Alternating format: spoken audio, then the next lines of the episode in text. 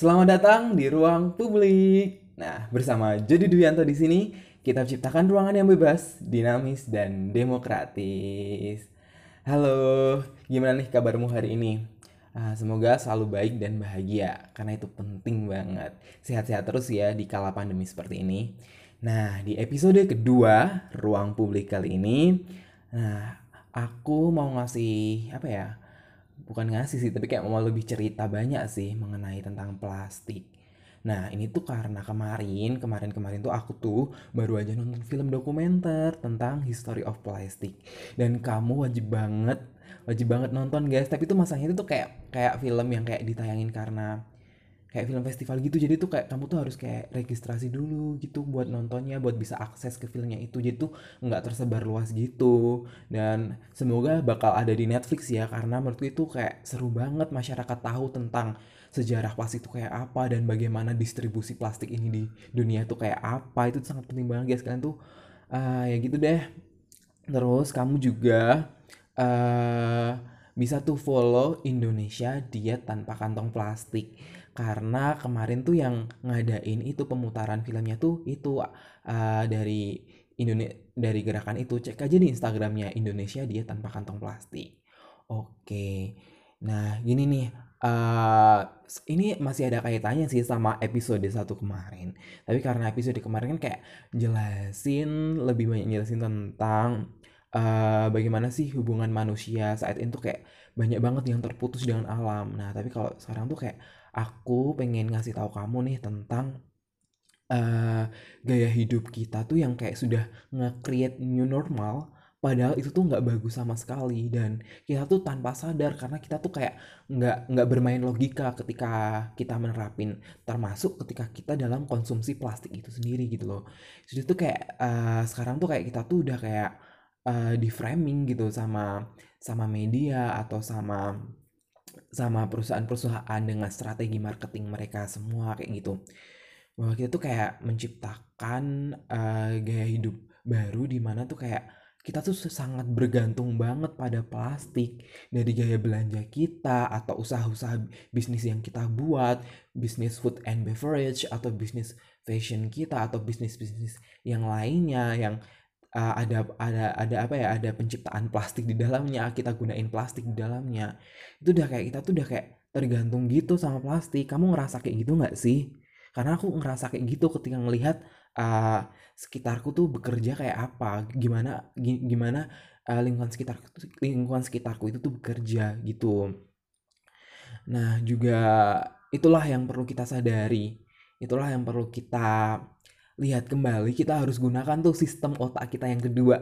Uh, kalau kamu uh, tahu nggak buku buku yang judulnya Thinking Fast and Slow? Nah itu tuh kayak jelasin kalau uh, kebiasaan hidup kita tuh banyak banget dipengaruhi sama sistem sistem berpikir satu di mana tuh kayak itu adalah tanpa tanpa berpikir kayak apa ya tanpa mengoreksi terlebih dahulu lah uh, efek atas tindakan yang kita lakuin gitu. Jadi tuh di sini juga aku ingin banget kalian tuh lebih apa ya mulai menggunakan sistem kedua sistem cara berpikir kedua agar kita tuh tahu uh, apakah tindakan yang akan kita lakukan nanti tuh kayak mengguna uh, apa ya berdampak baik atau burukkah terhadap lingkungan sekitar kita seperti itu. Itu penting banget guys. Nah emang nih balik lagi ke plastik nih Emang nih, plastik itu tuh dulu diciptakan tuh sebagai temuan yang besar, sebagai solusi guys. Uh, dan kamu kamu udah merasakan bahwa hidup tuh kayak lebih efektif gitu loh dengan adanya plastik. Nah, tapi mirisnya di sini adalah yang perlu kamu tahu bahwa itu tuh peran perusahaan yang nge-create plastik as a solution of production itu tuh kayak mereka tuh tanpa ada concern ke efek lainnya yang jelas pastinya ke lingkungan gitu loh. That's why muncullah eksternalitas atau dampak-dampak yang di luar yang ternyata tuh berpengaruh juga yang malah merugikan juga sebenarnya buat masyarakat masyarakat atau lingkungan itu sendiri gitu loh. Nah, kalian juga kamu kamu juga perlu tahu nih bahwa plastik itu tuh kayak terbuat dari fossil fuels atau bahan bakar fosil. Di mana tuh kayak kayak ternyata tuh bahan dari penciptaan plastik tuh berbahaya banget gitu loh dan juga ketika uh, proses produks produksinya pun faktanya di lapangan tuh uh, ketika plastik itu dibuat tuh kayak ada pengaruh-pengaruh negatif yang muncul gitu loh. Uh, tapi itu nanti deh aku bakal kayak jelasin lebih lanjut nanti. Oke. Okay.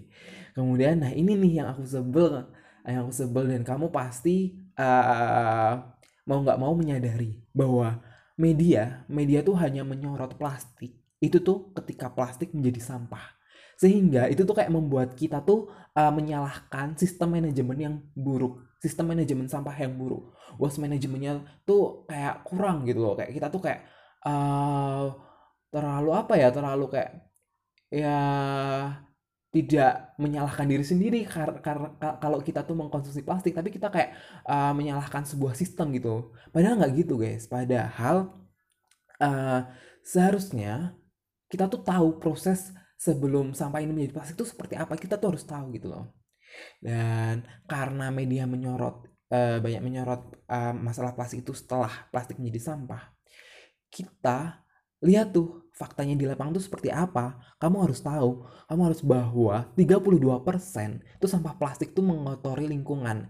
Yaitu tersebarlah di mana-mana di, di laut atau di darat itu kayak tersebar gitu aja mengotori lingkungan ininya 32% sampah plastik Kemudian 40 persennya nih menumpuk di TPA tuh. Tuh ada data yang bilang bilang kayak kayak gini tuh, menumpuk di TPA. Dan sepertinya tuh kayak uh, tumpukannya juga semakin semakin bertambah gitu. 40% tapi 40% itu juga kayak nambah-nambah terus gitu loh persentasenya atau kualitas dari presentasinya itu juga ikut menambah gitu. Kemudian 14 persennya itu dibakar dan 14 persennya lagi tuh di recycle. Nah ini nih kita yang kita yang yang sering kayak menyalahkan sistem manajemen sampah yang buruk, kita biasanya kayak karena terlalu mengandalkan recycle. Padahal in fact emang 14% di recycle, tapi hanya 2% aja.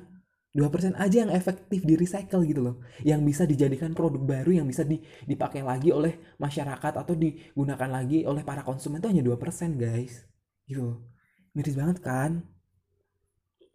Nah, jadi kayak aku di sini juga kayak merasa sebel banget ketika kita atau ya kita lah aku bilang kita karena dan kebanyakan orang lainnya tuh kayak masih menyalahkan sistem manajemen yang buruk terhadap menumpuknya sampah plastik.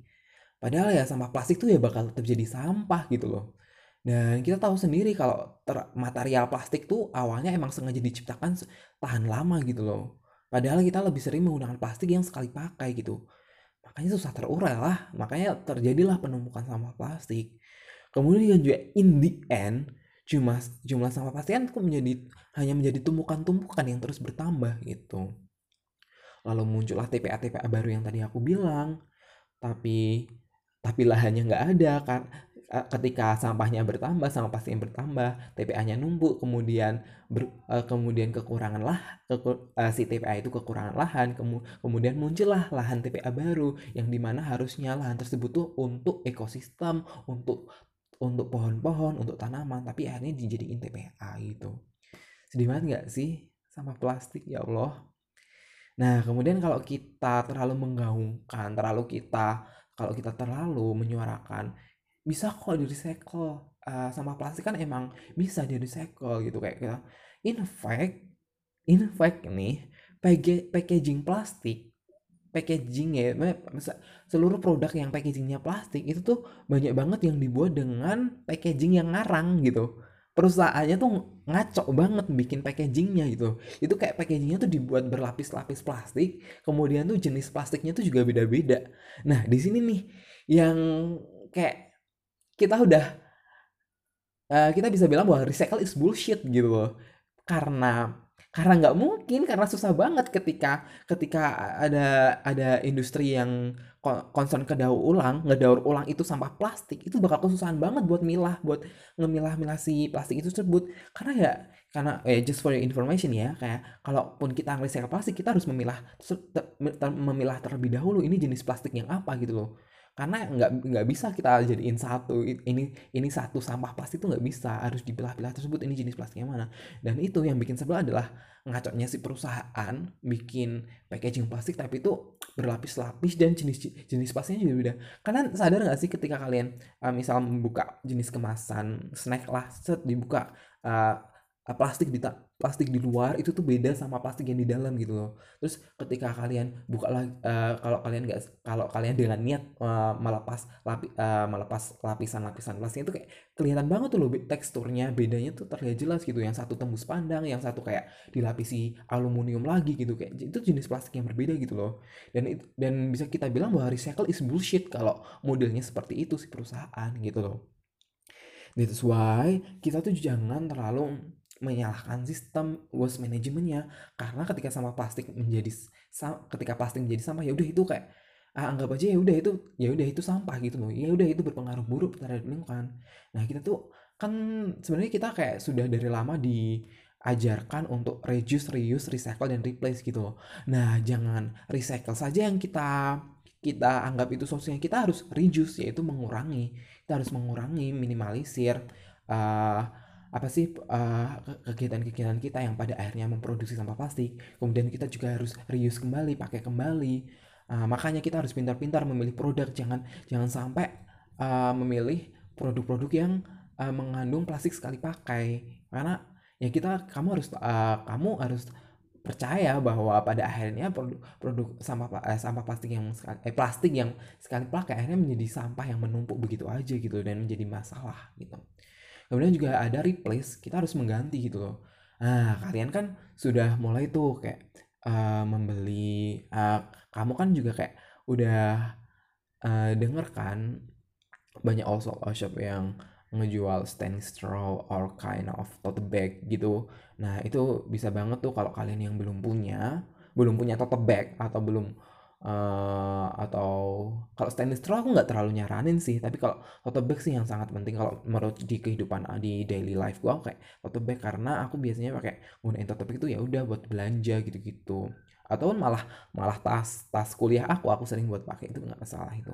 Tapi tapi di balik dari itu semua itu tuh juga ada dampak buruk yang terjadi. Jadi kayak uh, membeli green things green things kayak membeli barang-barang tersebut bukan berarti kalian udah kayak nyelamatkan lingkungan. Karena ternyata ketika proses produksi stainless straw dan tote bag itu juga ada limbah-limbah uh, lain yang muncul gitu loh. Jadi kayak ada dampak dampak lain yang muncul.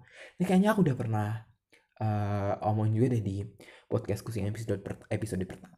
Tapi gitu deh intinya deh. Kita harus pokoknya harus lebih ke re reduce sama reuse gitu guys. Jangan terlalu mengandalkan recycle Nah, terus for your information nih, uh, kalian ngerasa nggak sih kalau di Indonesia ini, di negara kita ini tuh uh, budaya saset tuh masih kayak masih normal gitu.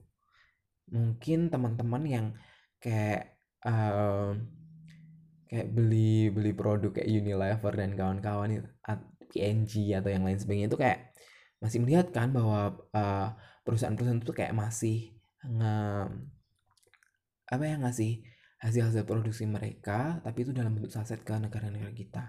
In fact padahal kalau di negara-negara Eropa atau Amerika sana tuh mereka tuh kayak sudah mulai beralih ke yang itu bisa digunakan kembali tempatnya gitu. eh, ya emang karena tar target pasarnya mereka kan eh, kalau di negara berkembang kan emang banyak masyarakat dari kelas menengah ke bawah gitu kan yang yang kemampuan mereka untuk membeli barang membeli barang itu kan juga kayak uh, anggarannya nggak terlalu tinggi. Makanya mereka berpikir bahwa saset adalah jadi solusi.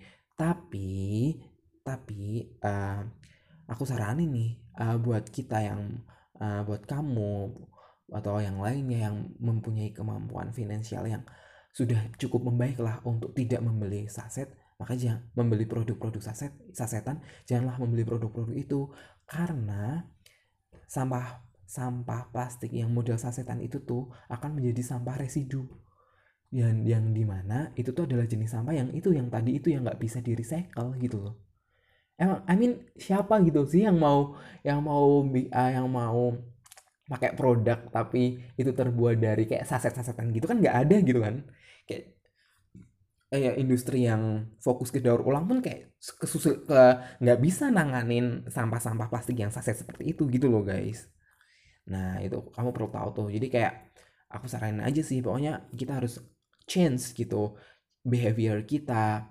Kita harus lebih menggunakan sistem otak otak dua kita sistem berpikir kedua kita untuk melihat uh, tindakan kita tuh punya pengaruh nggak sih gitu.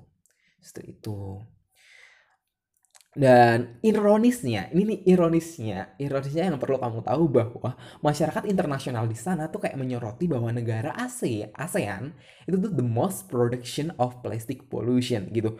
Negara ASEAN lah yang menciptakan polusi plastik terbesar gitu. Oke, kalau kita runtut, runtut nih, ini yang perlu perlu kita sadari juga nih, perlu kamu tahu bahwa yang ngeproduksi mana sih? Ya negara-negara barat sana kan? Orang-orang barat sana kan yang ngeproduksi sasetan-sasetan itu gitu. Unilever, P&G, Starbucks dan lain-lainnya gitu loh. Starbucks sih? Ya kayak tapi kan Starbucks juga ngasilin sama plastik gitu kan. Nah nah di situlah yang ironik ketika masyarakat internasional menyoroti seperti itu. Karena ya iyalah orang negara maju yang bikin produk-produk yang nggak bisa di recycle dibuat di negara berkembang terus kalau nggak bisa dari sekali jadi sampah gitu jadi pollution gitu loh si plastiknya. Nah kayak gitu. Terus juga actually sebenarnya kalau kalau masyarakat barat di sana kan udah mulai tuh ke ke produk yang produk yang bisa digunakan berkali-kali. Nah dan ditambah lagi perusahaan-perusahaan Unilever atau P&G di sana tuh mau kok ngasih dana buat meng, uh, ngasih alokasi dana untuk pengelolaan sampah plastik yang ada di negara sana Nah, kalau kita di negara berkembang, kita hanya kayak ya udah kita hanya sebagai konsumen yang uh, kayak dibodohi begitu saja dengan strategi strategi pemasarannya pemasarannya mereka gitu loh. Gitu. Nah, dan di balik itu kenapa kenapa negara kenapa negara barat sana sudah sudah mulai beralih ke ke apa ya ke packaging yang ramah lingkungan yang bisa dipakai berulang kali itu karena ini ada ada hal yang perlu kamu tahu ada hal yang perlu kamu tahu nih. Karena beberapa waktu lalu kan si Cina udah ngelarang impor plastik kan kalian pernah dengar berita ini nggak? Jadi tuh sebenarnya guys produksi sampah plastik di negara Eropa dan dan Amerika sana tuh banyak banget guys. Kan kita tahu bahwa uh, masyarakat mereka juga banyak banget kan. Nah, kita tahu mereka juga kayak pasti mengandalkan plastik karena uh, asal mula plastik tuh ya dari sana itu sendiri, dari ternyata inovasinya tuh dari dari luar negeri sana gitu loh. Nah, karena mereka ketergantungan plastik juga ternyata tinggi. Nah, mereka tuh aktual itu eh, nggak uh, ada anggaran tuh buat uh, industri yang mengelola sampah. Akhirnya mereka tuh kayak kayak mengimpor eh mengekspor mengekspor sampah-sampah plastik mereka ke Cina. Dan Cina dengan senang hati mengimpor tuh sampah-sampah plastiknya. Itu udah jalan begitu lama ya guys kalau kalian tahu itu jalan begitu lama. Dan itu akhirnya uh, setelah si Cina sadar bahwa bahwa itu adalah uh, hal yang sia-sia karena pada pada mulanya Cina Cina tuh mengira bahwa ini adalah potensial market untuk menampung sampah-sampah plastik ini bahwa nanti tuh uh, ada inovasi-inovasi yang bisa diciptakan dengan adanya sampah plastik ini. Tapi ternyata semakin ke sini Cina sudah sadar bahwa itu ternyata pasar semu gitu. Karena nggak ada nggak ada industri yang benar-benar concern ke recycle, ke pengelolaan kembali sampah-sampah plastik gitu loh. Pem pembuatan produk baru dari sampah-sampah plastik itu kayak nggak ada itu pasar semu gitu. Nah akhirnya itulah yang menyebabkan perusahaan-perusahaan di perusahaan-perusahaan kayak Unilever, P&G itu kayak uh, nggak uh, sudah mulai menerapkan packaging yang ramah lingkungan di negara-negara barat. Ya gila aja mereka udah nggak ada tempat buat buang sampah bun. Mereka udah nggak ada tempat buat naruh itu sampah-sampah plastik. Cina karena Cina udah kayak nge ngetutup itu larangan impor plastik akhirnya ya mereka mau nggak mau mereka harus ngurusin sendiri gitu loh sampah plastiknya nah tapi tapi guys yang uh, ada hal-hal lain nih yang perlu kalian tahu juga bahwa kan karena Cina udah ngetutup pintunya buat menerima sampah plastik gitu tidak mau tidak mau tidak mau lagi tuh negaranya jadi tempat sampah bagi uh, US dan Eropa. Akhirnya mereka juga kayak usaha masih usaha gitu buat nyari nyari tempat sampah baru uh, nyari negara-negara yang mau tuh menerima sampah-sampah plastik mereka akhirnya kalian tahu ya Asia Tenggara menjadi salah satu sasarannya hmm Nah, ya benar kalian menduga kalau Indonesia termasuk. Iya benar Indonesia termasuk gitu loh. Spesifik uh, spesifikasi daerahnya tuh ada di Mojokerto guys. Jadi di sana tuh ada kayak sebuah ya sebuah desa gitu. Terus di sana tuh kayak di tempat tempat sampah-sampah plastik tuh dipilah-pilah sama masyarakat di Mojokerto. Kemudian ya itu terbukti banget sampah plastiknya ada dari Australia dari Amerika gitu-gitu. Uh, minum-minuman Starbucks. Ini kenapa tadi aku bilang Starbucks? Karena tadi aku lagi mikirin di Mojokerto tuh ada Starbucks yang namanya nama-namanya orang nama-nama orang-orang luar gitu loh. Bekas bekas Starbucks. Kayak gitu guys. Miris nggak sih? Nah Terus sebenarnya itu juga si US sama si Eropa tuh juga punya cara lain, punya cara lain untuk menghilangkan sampah plastik itu dari negara mereka selain dengan mengekspornya ke negara-negara Asia Tenggara, yaitu dengan membakar plastik. Hmm. Nah tadi kan gue udah bilang tuh kalau uh, rate uh, ya rate-nya sampah plastik yang dibakar itu kan 14% kan. Nah jujur uh, ini langsung mendapat tanggapan juga dari ahli ekologi yang bilang ya bener sih uh, dengan lu membakar sampah plastik lu bakal uh, meminimalisir jumlah sampah yang ada. Tapi ada tapinya nih yaitu tuh ada masalah lain yang muncul. Of course masalah lingkungan lagi polusi udara lagi gitu loh. Ya akhirnya ini nih yang bikin bikin apa ya sampah plastik tuh kayak yang benar-benar jadi masalah benar-benar jadi masalah karena kita tuh harus berpikir ke ke segala aspek itu semua gitu loh. Dan ketika sampah plastik itu dibakar tadi muncul polusi udara kemudian survei di lapangan membuktikan survei di lapangan membuktikan bahwa ketika uh, si perusahaan yang yang bertugas untuk membakar sampah plastik itu tuh mulai membakarnya, kemudian muncul polusi udara. Nah, masyarakat yang tinggal di daerah sekitar itu proses pembakaran sampah plastik itu tuh muncullah berbagai jenis penyakit paru-paru gitu. Uh, sedih banget sih soalnya uh, di film itu History of Plastic tuh uh, remaja yang bilang tuh bahwa uh, pak ketika dicek setelah melakukan pengecekan di rumah sakit dengan dokter tuh bilang si dokternya tuh bilang bahwa paru-paru kamu paru-paru anak remaja ini tuh udah nggak kayak anak remaja pada umumnya. Ini kayak paru-paru orang perokok aktif atau kalau enggak paru-parunya orang yang kerja di tambang gitu. Wow separah itu gitu loh dampaknya. Ketika uh, ternyata angka 14% itu sampah plastik dibakar. Ya kita kamu atau orang-orang lain yang hidup di perkotaan ya nggak terlalu merasakan ya. Tapi kita kan merasakan polusi udara yang lain gitu. Tapi kalau mereka yang tinggal di dekat uh, industri yang bekerja untuk membakar sampah plastik kasihan banget gitu loh. Dan selain uh, di remaja ternyata juga memberikan dampak juga bagi para calon janin gitu loh. Of course ibu hamil kan juga kayak yang jadi rentan gitu loh dengan adanya polusi udara itu. Nah, terus uh, itulah uh, sisi sisi sisi lain dari sampah plastik. Kita juga harus melihat juga uh, dampak yang paling besar tadi kan 40% ya, 4 eh 32 per paling besar kan 40 per, uh, paling tadi sama pasti kan 40% paling banyak di TPA. Tapi kan ada 32% yang mengotori lingkungan. Apakah kita harus diem saja? Nah, itu jangan sampai kita diem saja gitu loh. Karena ketika 32% sama plastik itu tuh uh, mengotori lingkungan, uh, bebas bertebaran di lingkungan, yang paling bahaya tuh ya paling bahaya yang ketika sampah plastik itu ada di laut karena ketika sampah plastik itu tuh ada di laut mengotori laut nah nanti tuh sampah plastik itu akan berubah nih menjadi mikro mikro plastik di mana nanti bakal berpengaruh parah banget untuk food chain kita. Kita sebagai konsumsi hasil uh, hasil-hasil produksi laut kita bakal terkena dampak juga gitu loh langsung malah ke kesehatan tubuh kita gitu. Kita nggak tahu ikan yang kita konsumsi itu mengandung plastik atau enggak ya karena si plastiknya udah berubah jadi mikroplastik gitu loh. Nah dari permasalahan plastik yang ada ini uh, aku ingin mengajak kamu nih mengajak kamu buat yuk uh, lebih uh, berpikir lagi, lebih sadar lagi, lebih mengajak lagi orang-orang sekitar kita buat di buat dirubah perilakunya, lebih di apa ya? Lebih kita perlihatkan lagi dampak negatif dari adanya sampah plastik gitu loh.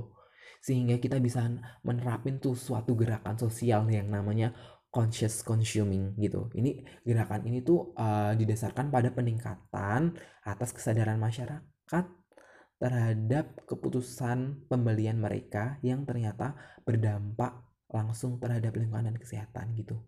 Ya, gimana sih? Pusing banget ya, belibet banget ya. Pokoknya intinya conscious conscious consuming itu tuh kayak cara kita agar kita tuh menggunakan nih sistem berpikir dua kita ketika kita membeli sesuatu barang, ketika kita atau memproduksi barang, ketika ketika kita menjadi seorang uh, ya konsumen, benar seorang konsumen, kita harus sadar apakah pembelian kita ini berpengaruh terhadap lingkungan atau tidak? Apakah ini nanti ada masalah kesehatan yang muncul atau tidak atas pembelian kita ini gitu.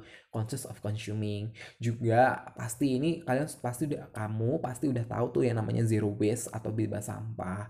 Nah zero waste benar-benar harus kita terapin tuh. Gimana sih cara hidup cara hidup kita yang minimalisir minimalisir sampah terutama sampah plastik? Itu banyak banget kok caranya. Nah itu nah ini masalahnya adalah kita mau atau enggak ya. Kalau semisal misal kita adalah golongan-golongan orang yang peduli kita adalah kita adalah manusia kalau uh, kalau uh, secara Islam bahwa manusia adalah umat muslim adalah rahmat bagi alam semesta ya kita harusnya peduli gitu loh. Peduli makanya kita harus meminimalisir tuh gaya hidup kita dengan sampah minimalis banget. Dan juga food waste teman-teman. Ada kaitannya juga nih food waste.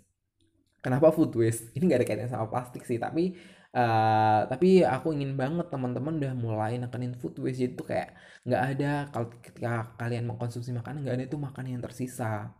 Kalian pikir kalau makanan sisa nanti bakal bakal bakal tidak terjadi apa-apa. Itu salah teman-teman. Karena ketika ketika di TPA pun di TPA uh, eh, jenis uh, makanan-makanan sisa kita yang menjadi sampah di TPA sana tuh berubah menjadi gas metana. Nah bahaya, bahayanya lagi gas metananya itu tuh dapat meledak seperti tragedi yang ada di Lewi Gajah itu TPA Lewi Gajah. Tuh ledakan tuh TPA-nya meledak. Nggak kasihan apa sama penduduk yang ada di di, di deket-deket situ gitu pasti kayak bahaya banget gitu loh bagi mereka gitu. Kesemitanya yang ada terus karena karena terlalu kebanyakan bisa TPA-nya bisa meledak kemudian saya itu ada dampak yang lebih besar lagi yaitu efek rumah kaca. Gitu guys. Kemudian juga kita harus lebih berpikir lagi kalau ketika kita menciptakan usaha atau menciptakan bisnis-bisnis baru kita harus membuat bisnis yang ramah lingkungan gitu yang biodegradable dan bio-based gitu. Karena kalau cuman biodegradable aja itu nggak cukup karena itu kayak sampah-sampahnya tuh masih ada gitu loh. Sampah-sampah dari produk yang biodegradable itu masih ada tapi kita harus bio-based gitu. Nah maka dari itu kalau misal kita uh, giat banget tuh nerapin tadi conscious consuming, zero waste gitu tuh itu kita tuh sebenarnya kayak mendukung usaha Indonesia menjadi negara yang menerapkan circular economy. Nah, circular economy itu apa? Circular economy itu uh, apa ya suatu model di mana tuh negara tuh kayak kayak apa ya? Uh, lebih peduli lagi dalam proses produksinya. Maksudnya uh, usaha itu membuat para uh, negara ini membuat para pengusaha itu lebih peduli lagi dengan proses produksinya sehingga tidak terjadi ter, tidak muncullah eksternalitas eksternalitas yang membahayakan lingkungan gitu. Itulah circular economy. Dan kalau semisal circular economy diterapkan kan nanti muncul tuh jenis-jenis usaha baru yang lebih ramah lingkungan seperti itu guys.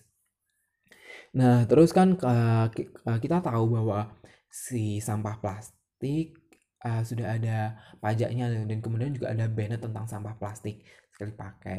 Nah sebenarnya agak ironik juga sih aku ngerasanya karena sebenarnya yang yang ngeproduksi itu kan si perusahaan ya, tapi itu uh, di case yang sekarang tuh malah kita yang bertanggung jawab atas pajak dari sampah dari penggunaan plastik itu sendiri. Kita kan diterapin pajaknya. Ya bener sih kita jadi mikir dua ketika ketika mau memakai eh, itu kantong plastik atau enggak. Tapi kan masalahnya pajak yang di sini kan diterapin kan kayak kecil banget guys pajaknya.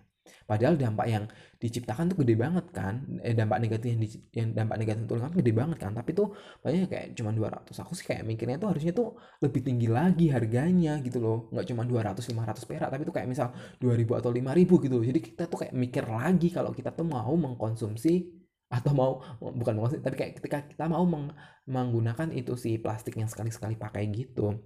Dan harusnya juga sih aku mikirnya tuh harusnya tuh si perusahaan yang nanggung gitu loh. Kan mereka yang nyiptain gitu. Nah gitu aja sih. Kayak kayak aku agak merasa merasa is not fair gitu.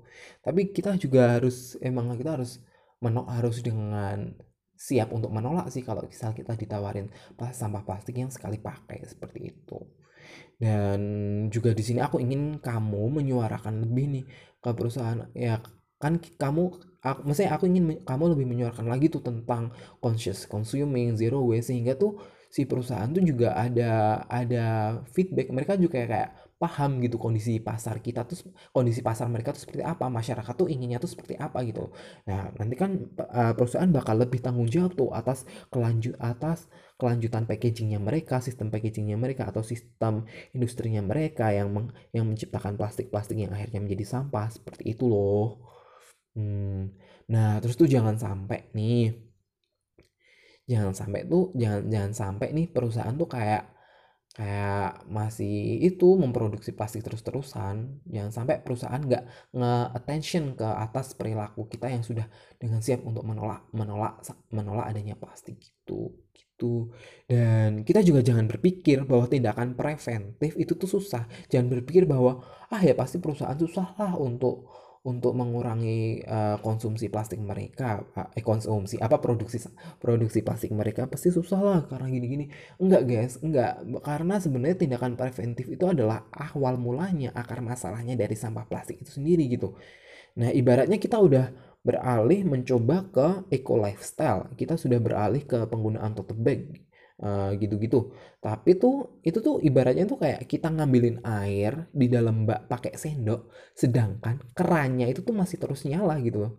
Nah, maka dari itu kerannya itu yang harus kita tutup gitu. Jadi tuh kayak aku ingin aku ingin kamu tuh kayak lebih melakukan tindakan-tindakan yang bisa kalian pamerin juga ke masyarakat, bisa kalian nge-engage uh, teman orang-orang sekitar kalian bahwa kita tuh kayak sebenarnya tuh ingin banget uh, bebas sampah plastik gitu loh Nah, seperti itu. Jadi kita tuh ingin si perusahaan juga tuh kayak menutup tuh kerannya, menutup tuh kayak meminimalisir tuh, meminimalisir lebih kuat lagi tuh tentang uh, produksi sampah plastik mereka gitu. Hmm, kayak gitu aja sih uh, bahasan tentang plastik kali ini. Paham kan teman-teman? Pokoknya uh, kamu harus mulai sadar nih tindakan kamu tuh ada pengaruhnya atau enggak gitu. Nah, uh, kamu pasti tahu kan kalau oke ini udah kayak udah kayak selesai ya pembahasan pembahasan pasti kita kali ini.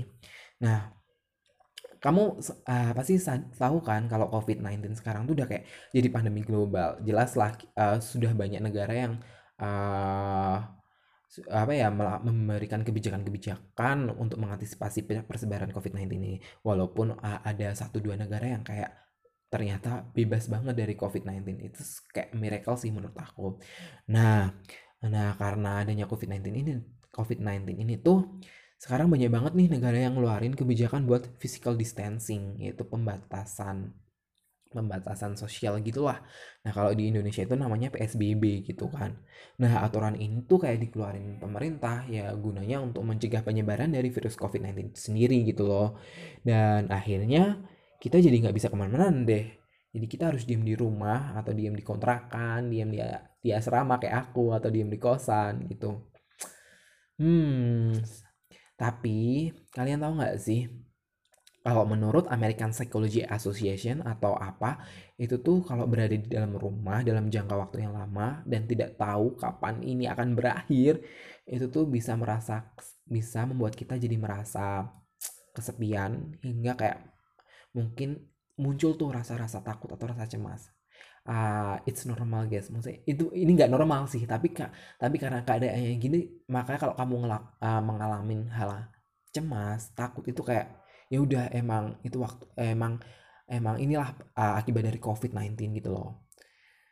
Nah Kemudian faktanya nih, sebuah mini riset yang dilakukan di bulan April lalu tuh nunjukin bahwa 82 dari 132 orang dalam rentang usia 18 sampai 24 tahun tuh ngerasa kesepian loh di tengah di, di tengah-tengah pandemi kayak gini, di tengah physical distancing.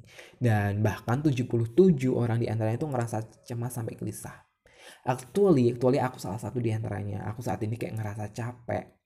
Ngerasa kayak kuliah yang kalau yang kamu kalau yang kuliah online tuh kayak padahal ya kuliahnya di rumah tapi tuh capeknya tuh kayak juga kerasa gitu loh. Itu dan juga kayak gelisah juga sih actually. Nggak tahu tiba-tiba kayak gelisah aja kayak mikirin besoknya bakal gimana. Kalau misal covid ini selesai atau kalau misal covid ini bakal tahan lama itu ma, ma, ma, bukan tahan lama tuh kayak misal masih lama tuh bakal kayak gimana. Itu juga aku mikir gitu jadi kayak ada ada rasa-rasa gelisah dan takut juga gitu.